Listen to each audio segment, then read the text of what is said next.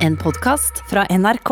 Det har vært en uh, utrolig hektisk, spennende, nervepirrende og uh, intens dag på jobb, naturlig nok, siden stortingspresidenten i, ja, sånn i sekstiden bestemte seg for å trekke seg. Det innebar at vi var nødt til å kaste om på alt vi hadde planlagt. Så her får du det som er en ganske spontan versjon av debatten.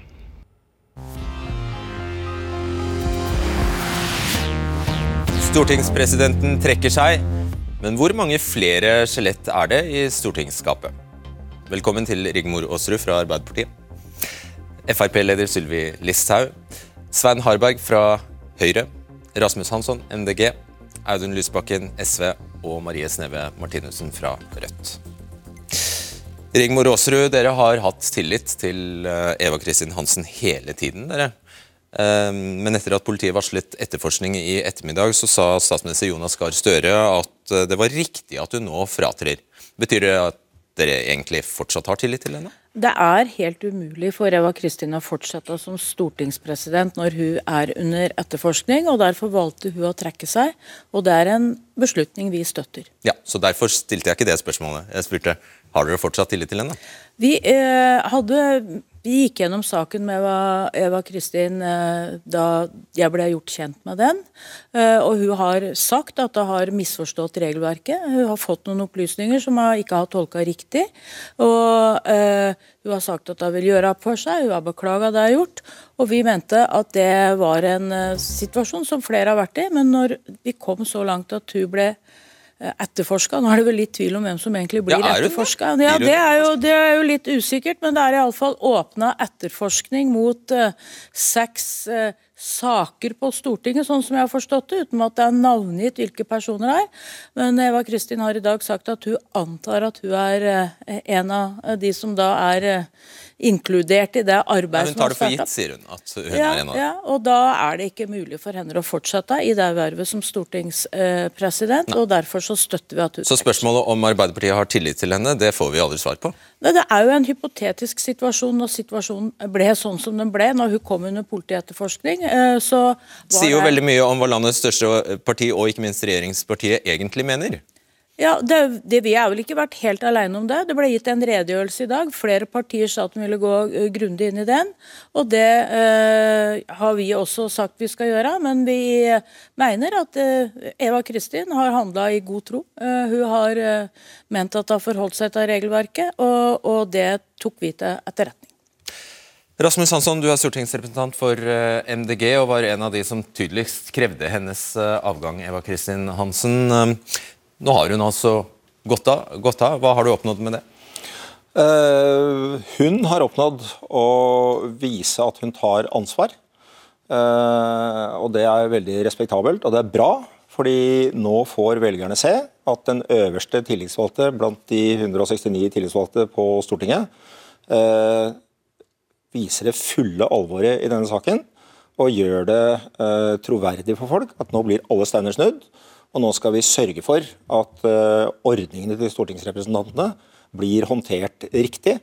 Det er det signalet hun nå sender ved å gå av, og det er jeg veldig glad for. Mm. Men hva hjelper det?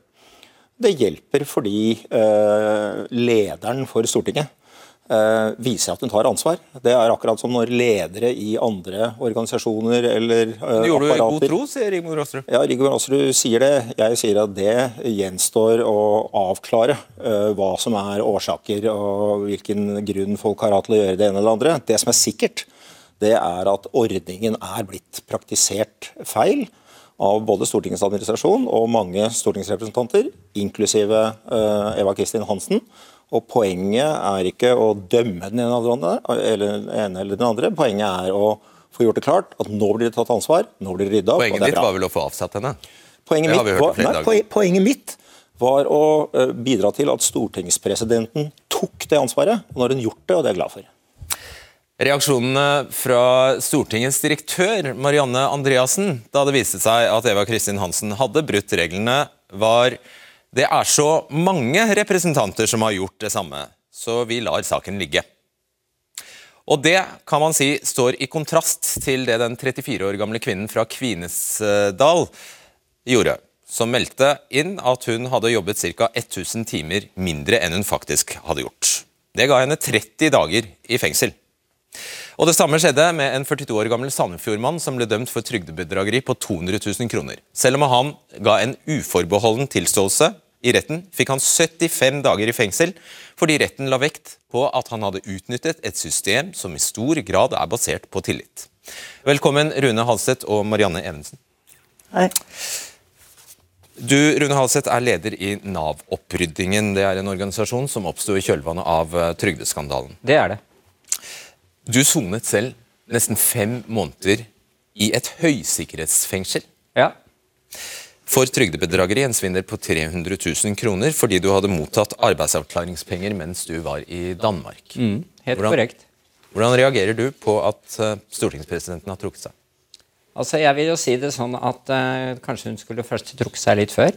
Og vil jeg også si det at uh, måtte det virkelig en politietterforskning til altså sette i gang et sånt system for at man skulle trekke seg. Og jeg vil også si at nå håper vi virkelig at systemet fungerer skikkelig, sånn som det er gjort mot oss.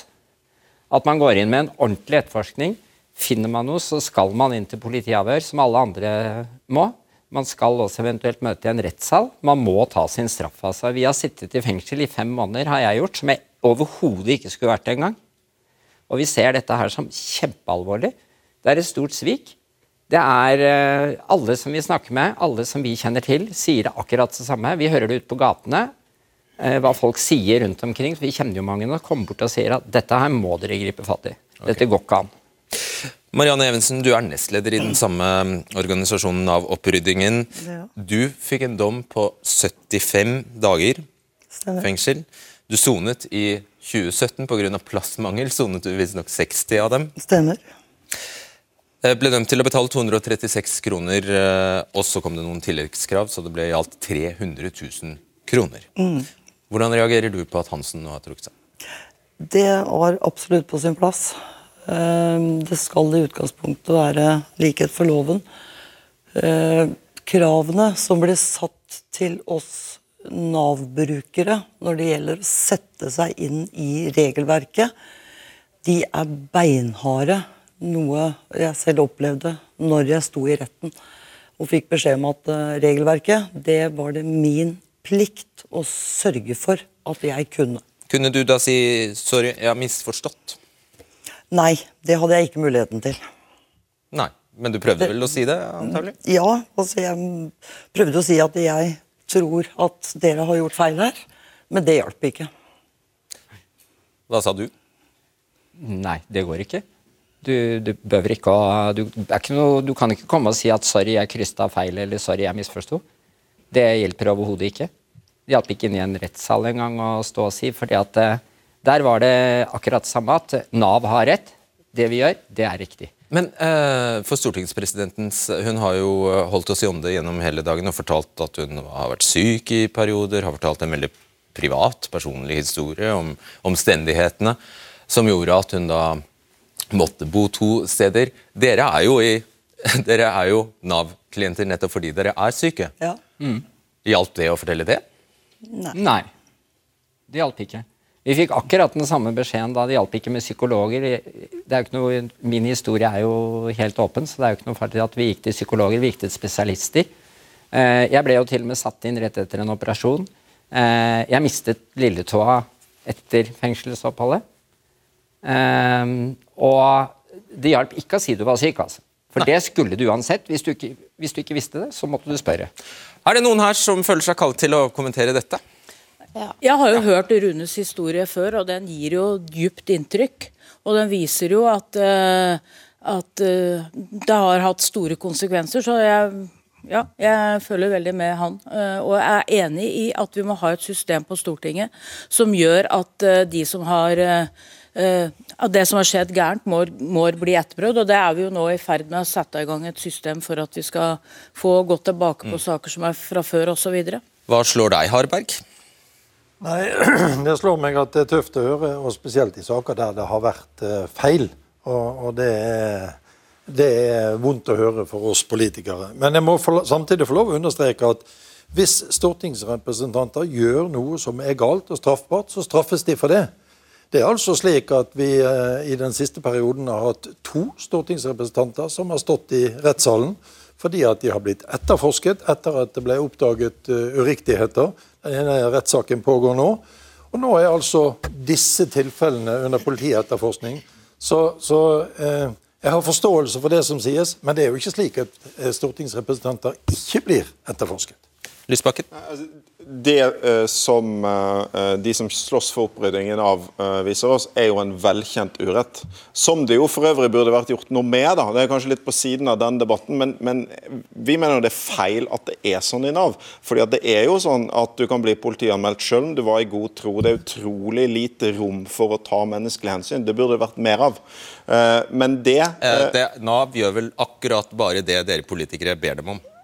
Ja, og derfor så har jo SV for eksempel, i forbindelse med Nav-skandalen en rekke ganger tatt til orde for den typen opprydding. Det bør være et større rom for menneskelig hensyn. Men, Men det er litt det på siden sa, av den domstolen, debatten. Domstolen pleier i sånne saker å skjele til, vise til det dere har bestemt, nemlig ja. at det, dette er tillitsbaserte systemer. Fredrik Solvang, og så får de strenge straffer. Ja, men da må du huske på det at det er flertall og mindretall på Stortinget. og Det er derfor det er greit å huske på dette. fordi at denne debatten bør alle partiene huske på når en skal diskutere innretningen på Nav videre. Men så er det avgjørende at vi rydder opp på Stortinget. Og Det som en kan si er uh, for så vidt positivt med meldingen fra politiet i dag, er jo at nå ser politiet på dette. da. Det er jo et uttrykk for likhet for loven. Det må være sånn at på samme måte som mistanke om gale ting i Nav utløser etterforskning, så vil mistanke om gale ting på Stortinget utløse etterforskning. Ja, så Sylvi Listhaug, vi, hører, vi så nettopp et eksempel med en som fikk 75 dager i fengsel for et trygdebedrageri på 200 000 kroner. Det snakkes om at eh, ja, verdien av gratis stortingsleilighet i et par-tre år fort kan komme opp i sånne summer? Ja, jeg tenker Historien til Marianne og, og Rune er sterk, og det finnes veldig mange andre rundt i hele landet som får strenge straffer for å ha gjort feil. Mange av dem har misforstått regelverket, kanskje de krysser av feil på skjema, og det får kjempestore konsekvenser.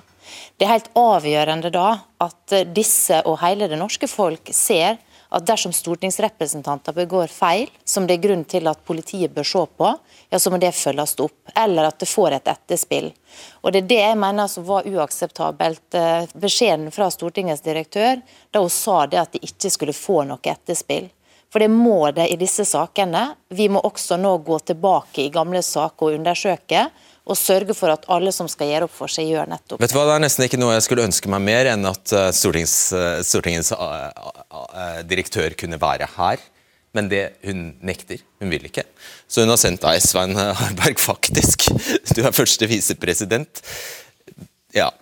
Eh, Martinussen? Ja, altså Det her handler om det som er viktigst i den saken, nemlig forskjellen det er mellom eh, folk som blir ramma av de lovene og reglene som bestemmes på Stortinget, og dem som sitter inne på Stortinget og bestemmer de lovene og reglene. Og Jeg er jo glad for at politiet nå har tatt tak i den saken, men jeg syns det er litt drøyt at det skal til det skrittet. fordi vi har jo nå egentlig flere måneder hatt avsløringer om flere ulike representanter som ser ut til å mene at så lenge de sier unnskyld og at de er lei seg og for så vidt trekker seg fra en del verv, så er det nok. Og jeg mener at Det er en slags grønseløs forståelse blant stortingsrepresentantene for hverandres eh, misforståelser og feil, som eh, man ikke møtes da når man er en helt vanlig borger i landet. og der tenker jeg at det trengs en kraftig opprydding. Jeg håper ikke at det skal være utvalg og utredninger et par år med kanskje noe løsning. Det må på en måte skje nå. Det kommer vi aldeles eh, straks til. Vil dere oppsummere for oss? Hva syns dere om det dere har hørt? Det at, de, at direktøren på Stortinget i utgangspunktet gikk ut og sa at det ikke var eh, vits i å gjøre noe med saken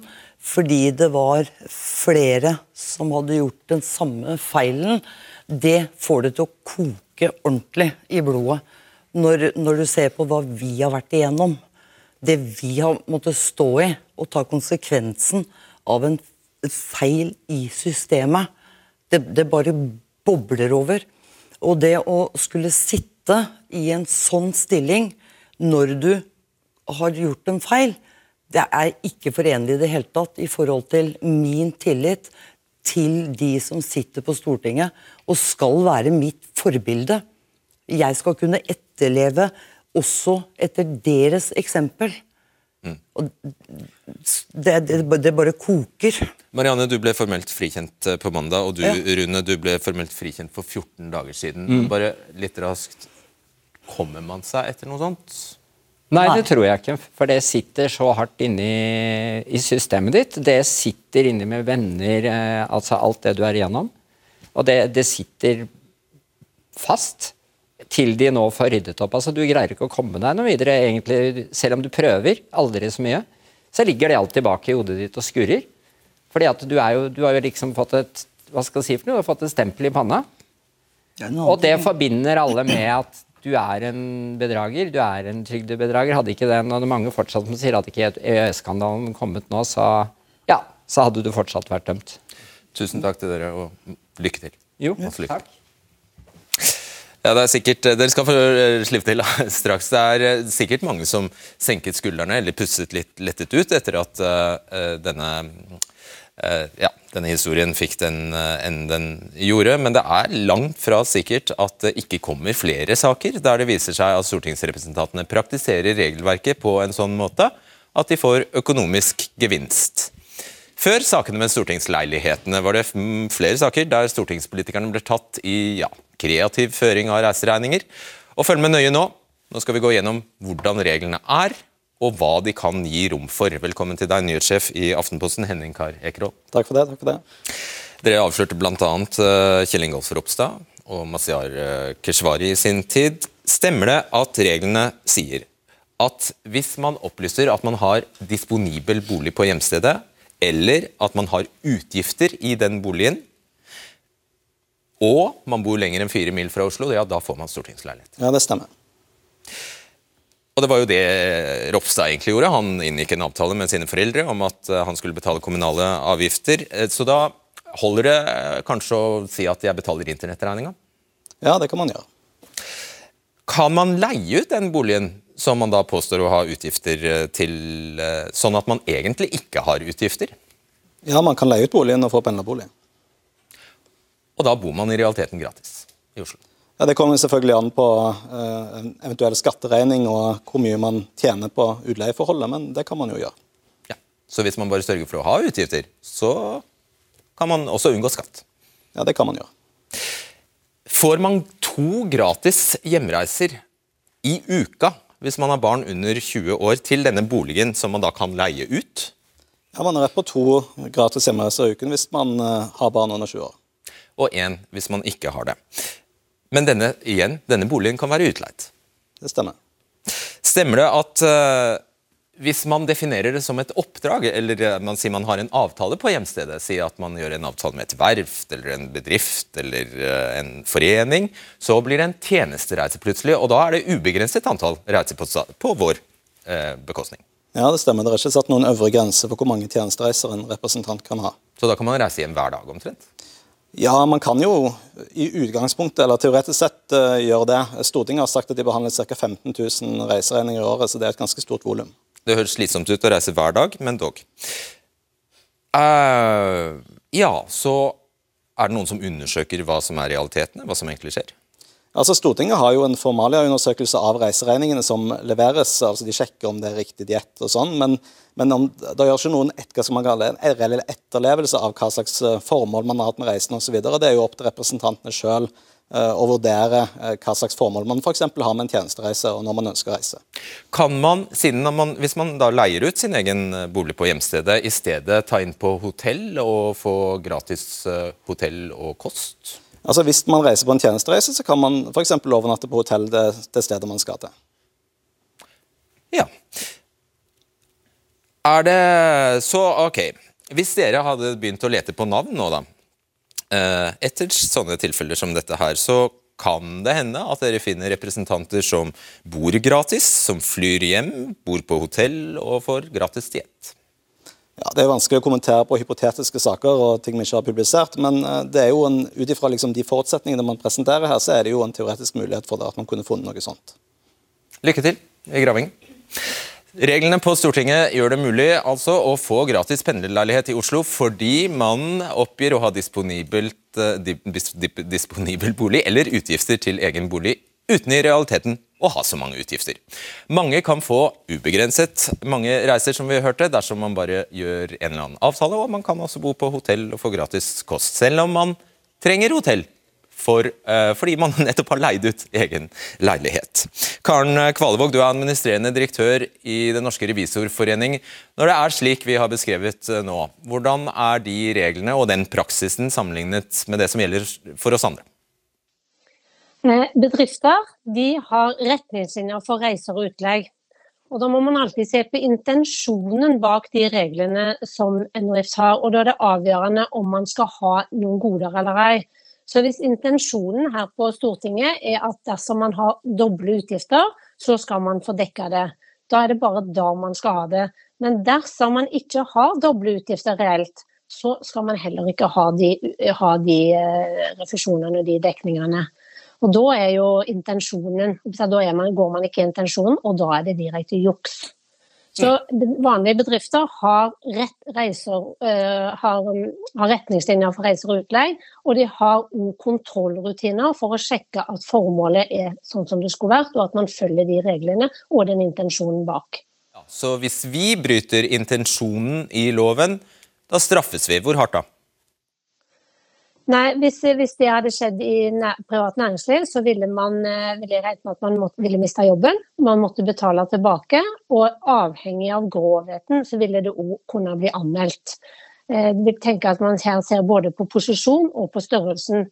Jeg har selv vært leder i næringslivet hvor man hadde som policy at man anmeldte alle forhold. Tusen takk, Karen Kvale Våg. Og så skal jeg bare minne om at du kan delta i denne diskusjonen. Da går du inn på nrk.no. Svein Harberg, det var sånn at da vi ville ha Stortingets uh, direktør hit, så viste hun til deg av en eller annen grunn, selv om du er, da, du er folkevalgt og ikke en del av administrasjonen. Skjønner du hvorfor du er sendt? Jeg regner med at hun viser til at jeg sitter i presidentskapet og kjenner sakene godt, og derfor kunne jeg gi eh, faktaopplysninger. Og så må jeg bare presisere... Men er det, ikke litt rart? er det ikke litt rart at du er her i stedet for henne? Jeg er ikke her istedenfor henne, jeg er her som Høyres representant. Ja, men hun sa det. Jeg er her som Høyres representant i denne debatten. Så er det slik at jeg må få lov å presisere i forhold til den forrige sekvensen der det var sagt at Stortinget ikke skulle granske noe mer. I morges var det et møte mellom eh, stortingspresidenten og meg som visepresident og de parlamentariske lederne, og vi var helt klart enige om at vi skulle granske det som har skjedd. Og presidentskapet har fått i oppdrag å fremme en måte å gjøre det på så raskt som mulig. Hvorfor sa hun det motsatte, da? Hva administrasjonen har sagt, kan ikke jeg stå inne for. Det er derfor det hadde vært praktisk å ha henne her, da, i stedet for deg. Hva administrasjonen har sagt, det kan ikke jeg stå inne for. Vi var helt enige om at det skulle granskes tilbake i tid. Flere av de som er her, var med på det møtet og kan bekrefte det. Det er realiteten når det gjelder å granske de gamle sakene. Den mikrofonen. men, men kom, dere, dere, kom dere på det i dag? Vi hadde et møte i dag der vi avklarte dette. Vi må huske på at at eh, her, eh, denne saken med Eva Kristin Hansen og den debatten, den ble vi kjent med på tirsdag kveld. Ja, Men dette er jo første saken. Visste, ingen, visste ingenting uh, før det. De andre sakene de jobbes det med. De er ikke endelig avsluttet. Flere av de venter på det utvalget som nå ser på de skattemessige fordelene, uh, som snart kommer uh, svar på til Stortinget. Så det er ingen av disse sakene som er lagt vekk. Kan du bekrefte at regelverket er slik uh, vi beskrev? Nei, det kjenner meg ikke igjen i det hele tatt. Og jeg er helt sikker på at alle rundt bordet her har fått tilbake reiseregninger med spørsmål om hvorfor gjorde du det, kan du dokumentere at du var der? Som skjer hele tiden. Det er også slik at etter at det er gjennomgått reiseregninger og sett om bilag er riktig og alt dette her, det så om, skjer regel, det Om du kan bekrefte at reglene er sånn, og Nei. at rommet finnes? Nei, du kan ikke uh, ha en ordning der du har bolig hjemme og så bo på hotell. Da får du spørsmål om det. Da får du ikke godkjent den kostnaden. Du... Det er den erfaringen vi alle har. Det, og du kan heller ikke bare reise og reise og reise, reise til hjemstedet ditt, slik som det sies her. Har du en reell oppgave der som stortingsrepresentant, så reiser du på det, enten det er på hjemstedet eller andre steder. Mm. Men du kan bekrefte at du kan leie ut egen bolig? Ja, det er jeg faktisk litt usikker på. Jeg har, jeg har, ikke hørt den varianten for at du kan leie ut egen bolig. Det som er realiteten, er at du skal ha et reelt bosted der du er fra. Jeg har hørt om det fordi din nestleder gjør det. Ja, men du, nå ble det jo framstilt som om man ikke bodde der sjøl. På hjemstedet. Altså. Og det er vel, eh, Nå kan Harberg disse reglene bedre enn meg, men det er vel en forutsetning at du faktisk har et sted Ja, at å reise reise til. at hjem den er disponibel for deg. eh, som du eh, bruker og bor i. Ja. For det, det hørtes ut som om du ikke trengte å ha det. Nei da, det er et vilkår at, du, at den er disponibel for deg, men du kan likevel ha leieinntekter fra, fra nesten hele leiligheten. Men poenget her er at det som er grunnen til at partiene på Stortinget er enige om å sette i gang en ekstern gjennomgang av dette nå, er jo nettopp at nå ble det jo avklart da, at Stortinget ikke eh, gjør det sjøl. Jeg tror det er ryddig jeg, at det gjøres eksternt også, fordi at da får du et annet blikk på det. Nå har vi en prosess for å få gått gjennom gamle saker. Så har Stortinget allerede satt i gang et eksternt utvalg for å se på framtidens regelverk. Det er én ting som mangler. Og det er en ordentlig diskusjon om hvordan vi skal sørge for god nok løpende kontroll eh, med alle ordninger. I forbindelse med etterlønn og karantenesaker så foreslo SV at representantene representantene sine ordninger burde være underlagt Nav-kontroll på samme måte som folk på Nav. Sant? Vi bør finne en ekstern løsning der òg, tror jeg. Eh, Marie Sneve Martinussen, selv om reglene kan være vanskelig å forstå, er det vanskelig å forstå intensjonen bak dem? Det syns jeg ikke. Og Marianne Evensen som var her i sted sa at hun syns det bobler inni seg. Jeg tror ganske mange ute som ser på det programmet her, føler det litt på samme måte. fordi de tingene du sier er på en måte privilegiene man har, men som vi legger på toppen av det, at ulikt alle andre i Norge, så bestemmer stortingsrepresentantene sjøl sine egne privilegier. Man setter også sin egen lønn, som er en millionlønn. Så de her godene, å få en gratis bolig eller kunne reise hjem mye oftere enn mange andre kan reise hjem hvis man jobber borte hjemmefra, de er jo da på toppen av en allerede altfor høy lønn. Og Rødt har jo tatt opp det her flere ganger, f.eks. For, for to år siden, da det var den første skandalen rundt eh, pendlerleiligheter. Da vi foreslo regler som både tydeliggjorde og stramma inn, fordi vi mener at det er altfor raust sånn som det er i dag. Eh, Da det er ingen som tok ordet, ingen som har behov for det. og Vi har også foreslått å sette ned lønna. Da er det ingen som tar ordet i de debattene. Jeg tror det som gjør at det koker i ganske mange nå, er at det virker det er på en måte sånn boblegreie på Stortinget, der man sitter og ser på hverandre og syns at det er helt OK. Men så tror jeg nesten alle andre i Norge tenker at hva er det som foregår? Tror ikke du også det? Jo, det tror jeg. Og det De er tror jeg rasende på deg og dere, egentlig. Ja, de er, det skjønner jeg at folk er. At folk er skuffa, folk er sinte. For det, man føler at uh, vi ikke har de samme reglene som andre, og det skjønner jeg. Og Derfor så er det helt avgjørende nå at vi får rydda opp i dette her. Og som det var sagt av flere her, vi må ha en bedre kom eh, kontroll på hva som utbetales. Altså, jeg føler som Svein Harberg at reiseregningene, hvis du har glemt å legge ved et bilag, så får du den fort i, i retur. Men vi må ha bedre kontrollordninger, sånn at vi ikke kommer i Er det ikke bedre å slutte å utnytte ordningen i stedet for å, å bygge jo, opp et stort eh, kontrollsystem? Jo, eh, det er jeg enig i, og derfor så er det jo viktig at vi får på plass et regelverk som da ingen eh, misforstår, ingen eh, bruker feil, og det har det jo vært for mange eksempler på nå. Og da må vi rydde i regelverket, og vi må rydde i kontrollen. Det er. Rigmor Aasrud med all respekt ikke så veldig mange som tror at hun kunne misforstå. Nei, det er det- Arbeiderpartiets tolkning eh, det- og hennes, det er- jeg for- det er hennes versjon. Ja, det versjon. men de fleste ser at uh, de, det de fleste mener, er at her har hun bevisst utnyttet systemet. det, er inntrykket. Det, og det får vi jo da, Nå er jo saken under etterforskning, da vil jo det bli avdekka der. Eh, men vi har hatt en grundig runde på eh, at vi trenger et bedre regelverk. Vi trenger å gå tilbake på de sakene som har vært, og det er helt nødvendig. Siden du har vært så høy og mørk i det siste, så regner jeg med at du, dere stemte for Rødt sitt forslag i sin tid. Nei, Vi mener vi må se på dette regelverket nå. og det som... Var det svar på spørsmålet? Jo, men altså det, vi, vi mener det er helt nødvendig. For, fordi vi, vi mener at regelverket egentlig er ganske enkelt. Det handler om hvor du er folkeregistrert, og det handler om du bor 40 km minst da, eh, fra Stortinget. Men så er det jo sånn at det også da gir pendlerleilighet til en del som jeg tror de fleste vil si er ganske eh, ja, ikke riktig. F.eks. folk som da eier leiligheter i Oslo, men leier dem ut til andre, og så får pendlerleiligheter. Jeg mener det er et åpenbart sted å se på dette regelverket på. Mm. Vet du hvem som har gjort det? Det er eh, din representant Ja, Himanshu det er Gulati.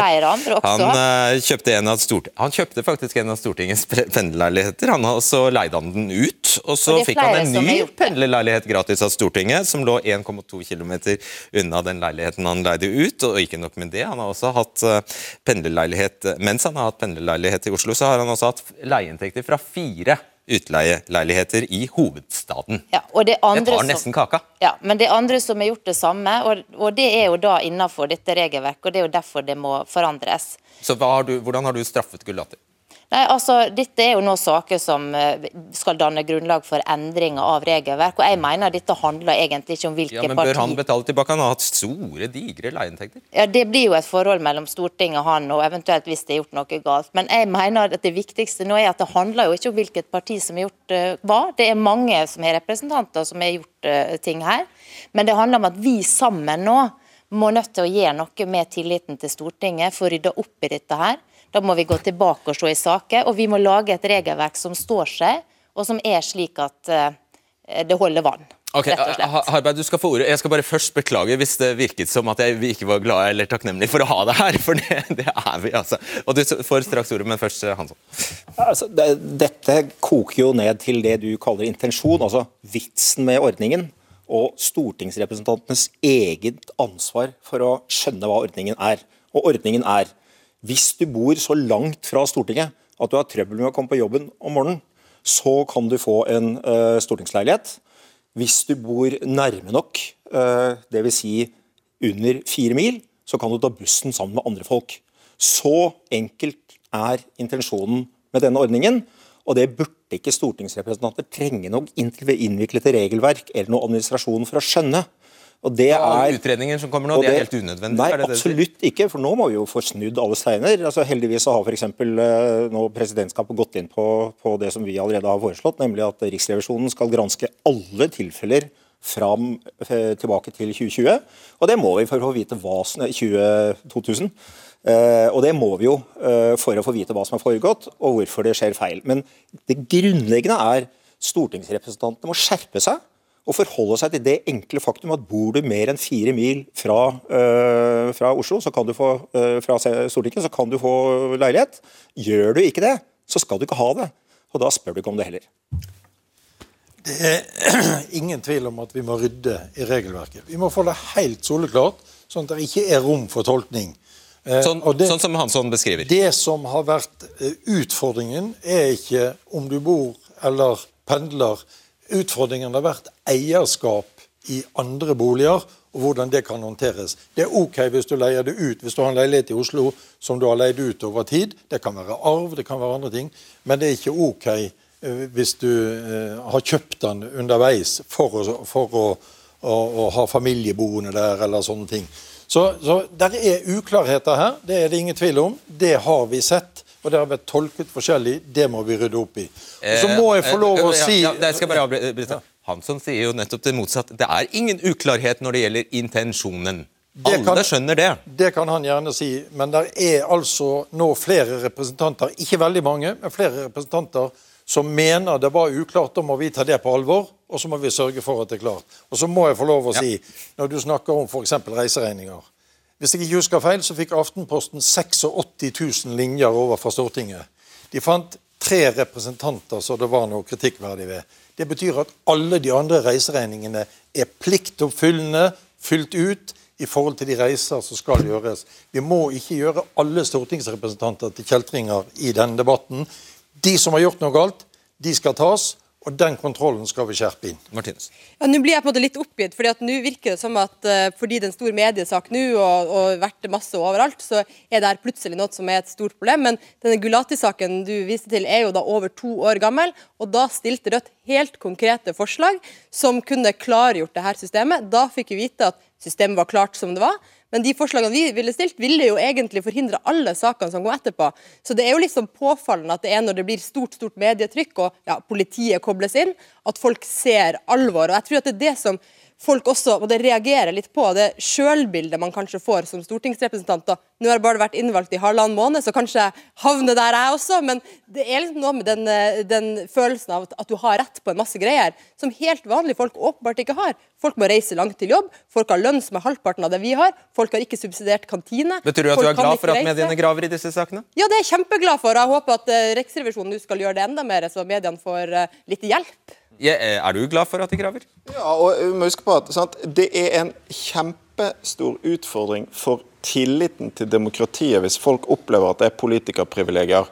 I SV har vi en lang historie med å kjempe mot politikerprivilegier. Stortingets gullpensjon, som vi omsider ble kvitt. Men eh, også eh, pågående debatter som jeg skulle ønske flere partier vil delta i mer jevnlig. F.eks. om stortingslønnen, som nå er i ferd med å passere en million.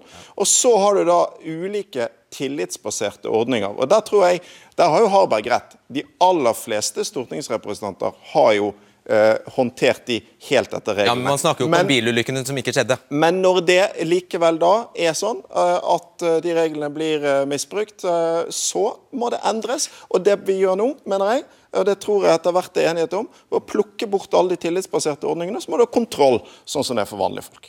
Tror du ikke at det er nettopp fordi at det, eh, fordi at eh, det er lite kledelig for et parti som SV å eh, legge en så beskyttende hånd over eh, noen som erkjenner å ha brutt regelverket, nemlig Eva Kristin Hansen, at det er det folk har reagert på når det gjelder SV og deg i denne saken?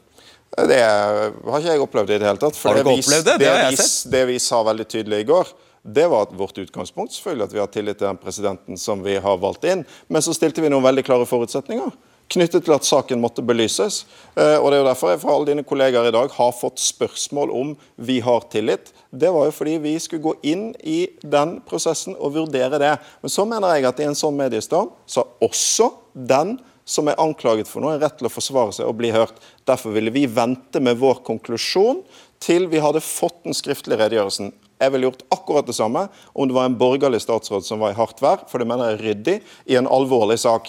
Og så mener jeg at det var klokt og nødvendig av presidenten å trekke seg i dag. Og så er jeg enig med det Rasmus sa. Det står også respekt av det. det. politietterforskningen, da, og ikke Jo, på grunn jo av det men, hun hadde gjort? men det betyr jo at vi Nå kommer vi jo ikke Nei, dit, da. Du vil heller ikke svare på det? Jeg var jo akkurat i ferd med å svare på det, men du avbrøt meg.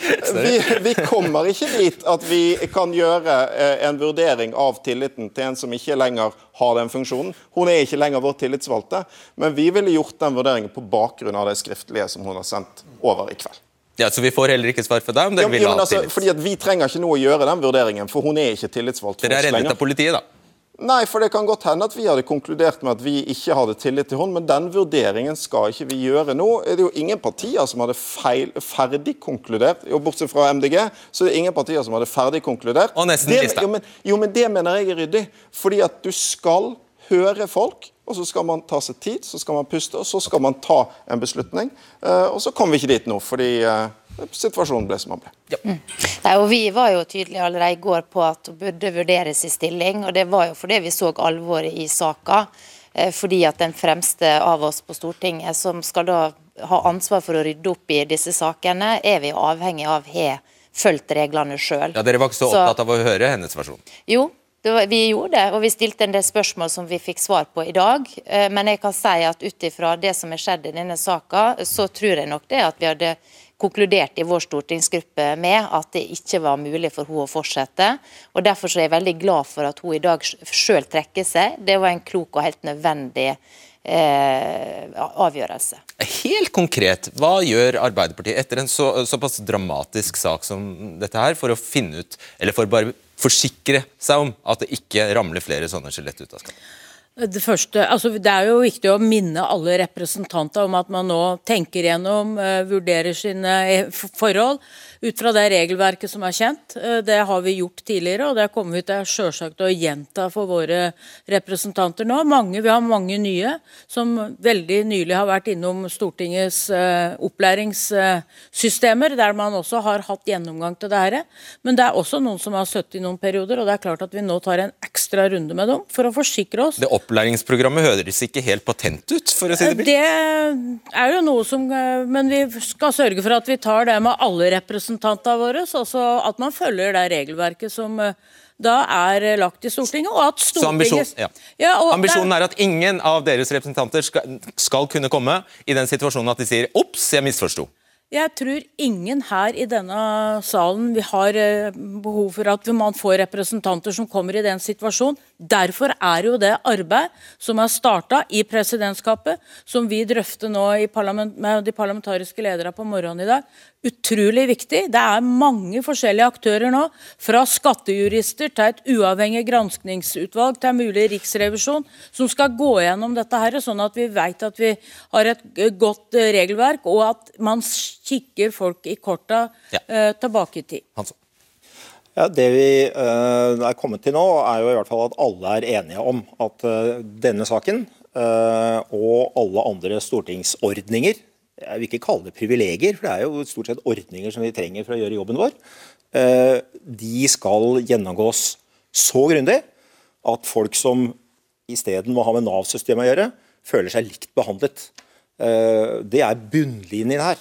Vi kan ikke ha en situasjon hvor vi som stortingsrepresentanter oppleves som at vi eh, lettere Vi kommer lettere av kroken enn det andre folk gjør. Det er det som denne prosessen nå må føre til. Og jeg er i hvert fall glad for at nå har vi satt i gang eh, de tingene som, eh, som vi må sette i gang. Topplederen har tatt ansvaret godt.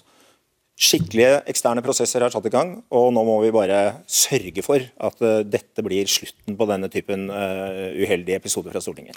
Jeg kan love Fredrik Solvang at det ikke er en nei, representant som nå ikke går igjennom alle sine forhold og sørger for at de er på plass.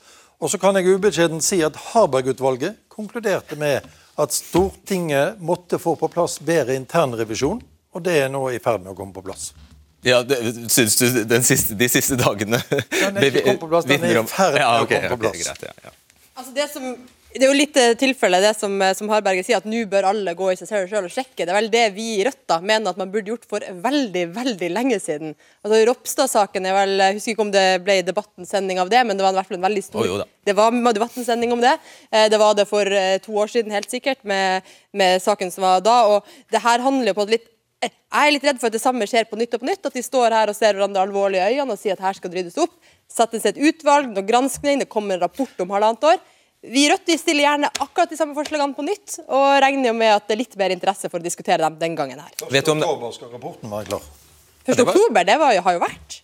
Og ja, til neste år. Ja, ja Det er jo litt lenge til. Det er jo nettopp et år. Det er jo et år, det var jo poenget hennes. Vet du om det er noen SV-ere som blir etterforsket nå? Jeg tror ingen vet hvem som blir etterforsket. og Det er litt uklart om det er sex eh, eller hva det er. Så vi får bare forholde oss til eh, at eh, politiet har sagt at de gjør noe. Det syns jeg er bra. Det viser at det er likhet for loven. Det er sånn det skal være i Norge. For er det noen fra Frp som blir etterforsket? Vi aner ikke hvem det er. Men det som i hvert fall er viktig nå, er at vi også får gått gjennom andre saker bakover i tid. For det som denne saka med stortingspresidenten viste, var jo det at det var en ny variant av hvordan disse reglene er fulgt opp, og det kan være andre. og Det er også viktig for hvordan vi utformer reglene framover, at vi da vet hvilke tolkinger av dette regelverket som faktisk har funnet sted. Da skal dere få, skal dere få tre av. Tusen takk for at uh, dere kom, alle sammen. Ja, For en dag det har vært! Nå skal vi forsøke å oppsummere litt ved hjelp av politisk redaktør i Adresseavisen, Siv Sandvik, og vår egen uh, Lars Nehru Sand. Skal begynne med deg kanskje, Lars. Partiet kom Eva Kristin Hansen til unnsetning i kveld. Uh, unnsetning, skriver du i kveld. Ja, det var vel det som skjedde.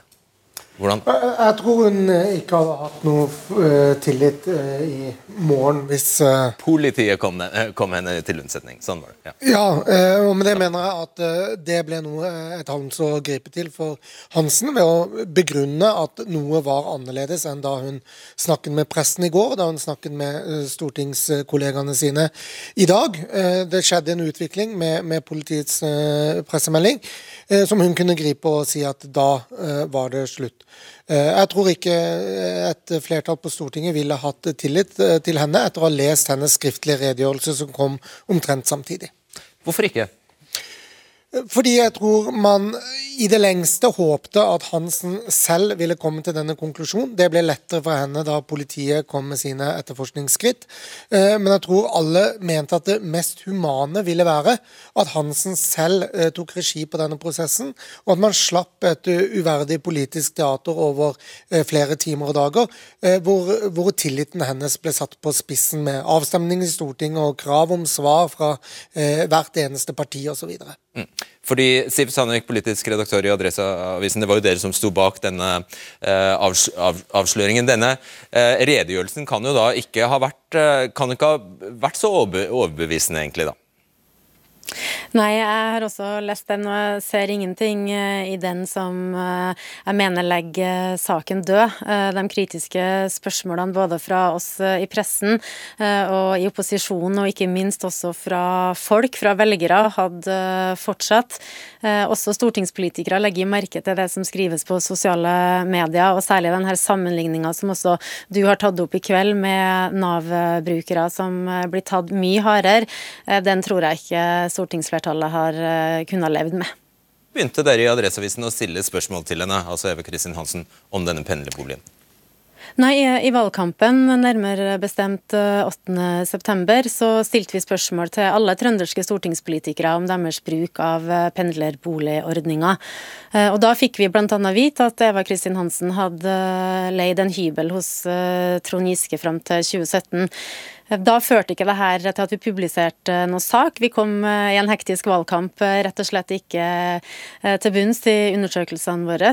Men da Hansen ble stortingspresident og også gikk høyt på banen og sa at nå skal det ryddes opp, så tenkte jeg at det var på tide å, ta en runde til. Og da vi så at hun hadde meldt flytting til Ski i 2017, så stussa vi jo litt, for hadde ikke hun gifta seg en del år før?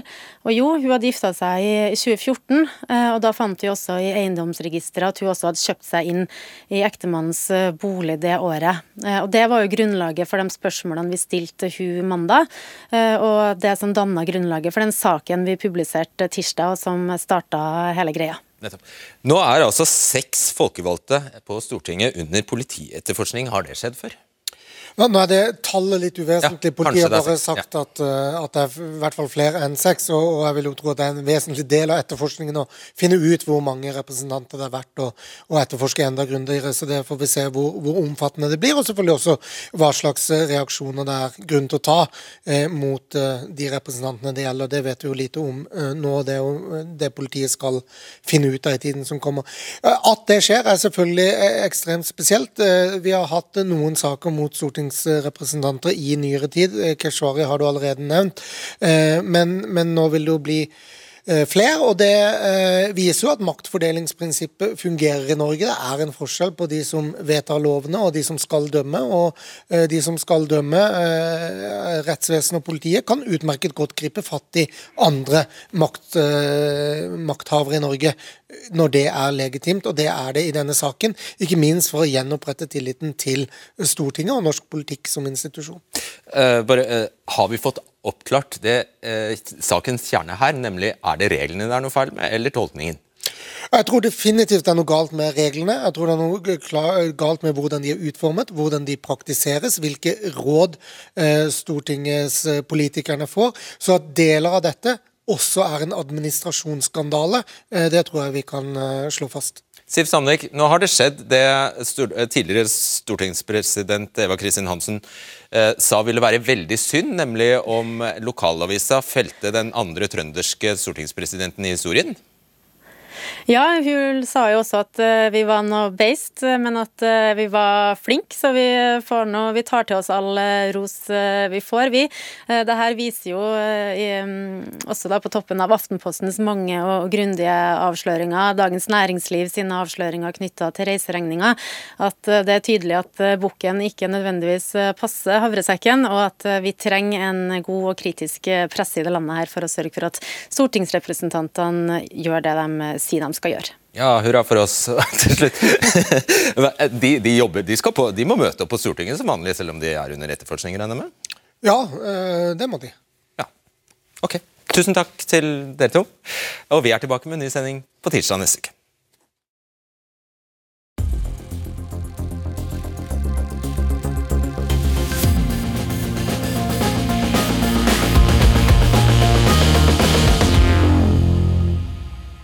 Jeg må bare nok en gang gjenta at det var slettes ikke meningen å gi uttrykk for at vi ikke ville ha Svein Harberg der. Det ville vi absolutt. Vi sendte mail til samtlige 169 stortingsrepresentanter i går allerede, og inviterte dem til debatten i dag.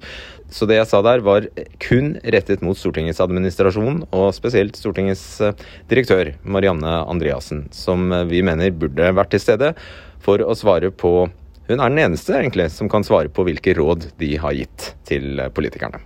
Vel, det var debatten for denne uka. Jeg håper vi høres igjen neste uke. Ha det bra. Du har hørt en podkast fra NRK. Hør flere podkaster og din NRK-kanal i appen NRK Radio.